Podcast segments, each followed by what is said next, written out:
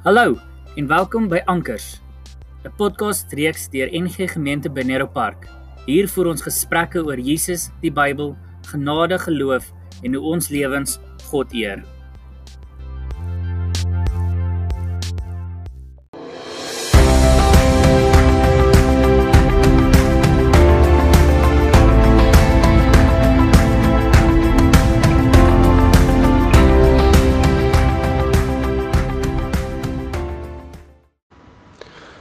Goeiemôre. Dit is 1 Desember 2020. Vandag oor 31 dae is dit nuwe jaar 2021 en ek dink daar's baie van ons wat al is dit net in ons koppe simbolies, hoe ons dit ook al wil noem, uitsien na 'n nuwe jaar, 'n ander jaar, 'n beter jaar. En As 'n mens kyk na die psalms, dan sien 'n mens nogal baie van hierdie soort gaan van gevoel ook raak van die ouens wat moedeloos gevoel het en so aan. En ek wil viroggend sommer net Psalm 42 wat ons almal baie goed ken, wil ek gebruik as 'n basis vir ietsie waaroor ek sommer net met ons wil deel. Um Psalm 42 begin dit daar staan dit is vir die koorleier 'n gedig van die Koragiete. Soos 'n wildsbok wat smag na water, so smag ek na U o God. Ek verlang na God, die lewende God. So dis die inleiding. Hy sê ek smag na U, ek verlang na U. So daar moet 'n rede wees hoekom hy dit sê. As 'n mens smag na iemand, dan beteken dit jy's mos nie by daai persoon op die oomblik nie. So hier's iets wat aangaan in hierdie Psalm as ons net daarna kyk. Hy gaan verder. Hy sê my trane is my kos dag en nag terwyl teenstanders my aanhoudend tart en sê waar is die God van jou? As ek nadink hoe dit voorheen was is ek ontsteld. Toe het ek geloop saam met die aanbidder aanbidders en 'n optog gelei na die tempel van God terwyl ek sing en jubel saam met die skare wat fees vier. Hoekom is ek nou so mismoedig? Hoekom so ewig ontsteld? Nee ek plaas my hoop op God Ek sal hom weer prys. Hy is my redder en my God. Tog is ek nou terneergedruk. Ek onthou hoe vanaf die Jordaangebied, vanaf die berge van Hermon en die hoogte van Miskar, die remoer van u watervalle druis en dreun, so het al u strome en golwe oor my gegaan. Tog sal die Here bedags weer sy trou betoon. Selfs in die donker nag sing ek sy lied. 'n gebed tot die God van my lewe. Ek sal roep tot God en sê: "My rots, waarom het U my vergeet? Waarom moet ek met rou klere loop omdat die vyand my verdruk?" Dit is soos 'n diep wond in my binneste wanneer my vyande my spot. Wanneer hulle dag na dag vra: "Waar is jou God?" Hoekom is ek nou so mismoedig? Hoekom so ewig ontsteld? Nee, ek plaas my hoop op God. Ek sal hom weer prys.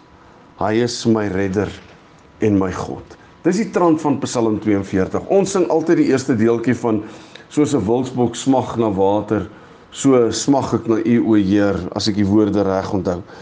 Ons lees nie die res nie. Hierdie Psalm is geskryf terwyl ek met 'n ou sleg gaan waar hy van God verlate gevoel het.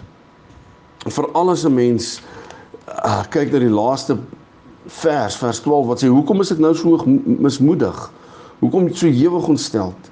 Nee, ek plaas my hoop op God. Ek sal hom weer prys. Hy is my redder en my God. So as hy sê hy sal hom weer prys, beteken dit hy doen dit nie noodwendig op die oomblik nie. Want dit voel of God hom verlaat het. Twyfel, verwondering en vra is van die temas wat ons baie keer in die Psalm skryf, veral hier in vers of in Psalm 42 en 43 gaan lees asseblief vers ag Psalm 43 ook. Die psalmdigters was nie skaam om vrae te vra nie. Hulle het selfs kritiese vrae gevra oor die Here se stilswye en sy afwesigheid. Hulle was baie krities daaroor. Vrae word in die psalms gebruik om te probeer lig werp op die vraagstukke van die lewe, die waaroms van die lewe, die hoekom nou, daai soort van goeters. In die kort klaaglied wat ons ken as Psalm 13, vra die digter hier 4 keer hoe lank die Here nog gaan neem om om om voor hom of voor hy gaan ingryp in die digter se omstandighede. In Psalm 10 vers 1 wil die digter weet waarom die Here afwesig is in tye van swaar kry. Baie mense voel vandag so. En ons kan so voel. Die Psalm sê vir ons ons kan so voel. In die aangrypende Psalm 22 vers 2 vra die digter ook waarom die Here hom verlaat het. Weer belangrike vrae wat gevra word. En dan in Psalm 42 tot 44 dan bereik hierdie soort klagte 'n hoogtepunt. Daar word 4 keer in Psalm 42 en 43 gevra waarom die Here die digter vergeet en verstoot en waarom hy so baie moet verduur van die vyande want nou spot sy vyande om te vra waar is jou God en dan in Psalm 44 gaan lees gerus daar vers 24 en 25 is dit die koragiete wat namens die volk vir die Here sê om wakker te word nê nee? die koragiete sê namens die volk Here word wakker en dan op 'n baie skerp manier vir die Here vra waarom hy slaap waarom hy sy gesig wegdraai en van die volk se ellende en verdrukking vergeet. Moderne gelowiges sukkel amper om met hierdie psalms te kan saamstem. Sê maar jy mag nie God vra vra nie. Ons sien dit in die psalms. Natuurlik mag ons vra. Natuurlik mag ons worstel. Natuurlik is dit vir ons moeilik. Ons voel partykeer asof die Here sy gesig van ons af weggedraai het.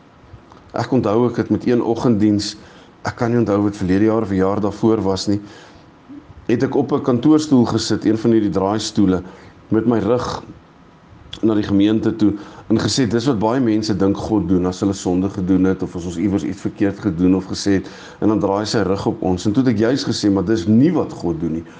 God draai nie sy rug op ons nie. Hy is deur sy Heilige Gees in ons. So hoe kan hy sy rug op ons draai? Dit voel so. Dit voel so. Want ons gebruik baie keer omstandighede om te wil sê God het ons verlaat. So Dawid was iemand met wie dit altyd, wel ek sê nou altyd, met wie dit gewoonlik goed gegaan het en nou stoei hy met 'n paar goeters en hy moet vlug vir sy lewe en so nou sê die Here het hom verlaat. Maar wanneer dit goed gaan met hom, sê hy Here, dankie vir u teenwoordigheid in my lewe. Daar's 'n liedjie, ek dink is Casting Crowns wat dit sing. Ek dink dit is hulle wat sê I'll praise you in the storm. En dit is miskien waar ons moet wees al is dit vrek moeilik. Ons kan vra vir die Here vra. Ons kan vra, Here, hoekom nou? Waarom? Hoekom nog nie? Um hoekom word die een of daai een nie gesond nie? Ons kan baie vrae vra. Maar ons moet nooit aan God se teenwoordigheid in ons lewens twyfel nie. God sit nie in 'n gemakstoel wat kan in die rondte draai en draai sy rug op ons nie. Hy het dit nooit gedoen nie. Hy het dit nooit gedoen nie. Ons is in Christus, skryf Paulus soveel keer. Ons is in Christus. So al vra hierdie psalms moeilike vrae wat ons ook vra. Ek dink die skrywers het dit maar net verwoord oor hoe ons ook voel. En ons sê ook, maar ek sal U weer prys, maar Here op die oomblik is moeilik. Hierdie storm wat oor my is en waarin ek nou is, voel dit nie eers vir my of ek gaan uitkom nie. Ek wil vir oggend vir jou sê wat jou storm ook al is, Hou net vas aan jou geloof. En dit beteken dat God het ons lief. Dis deel van ons geloof. Dat God vir ons liefhet en ons nooit sal verlaat nie. Kom ons bid. Hemelse Vader, dankie dat ons weet dat ons in die storms van die lewe wat ons beleef dat ons U kan prys. Dat U ons nie weggegooi het nie, dat U nie U rug op ons draai nie, dat U ons nie vergeet nie. Here Jesus, dankie dat U deur die Heilige Gees in ons is. Dat U altyd by ons is. Dankie daarvoor. Ek wil veraloggend bid vir mense wat worstel oor siekte. Daar is soveel mense wat siek is op die oomblik met met snaakse siektes. En Here, ons bid vir genesing daar asseblief. Ek bid vir mense wat alleen is, mense wat geliefdes die afgelope tyd aan die dood afgestaan het gee U vir ons vrede asseblief. As ons dan nie ons omstandighede kan verander nie en dit verander nie, dan bid ons vir vrede met onsself en in ons omstandighede. Asseblief. Amen. Lekker dag verder vir almal. Ons gesels môre weer. Totsiens.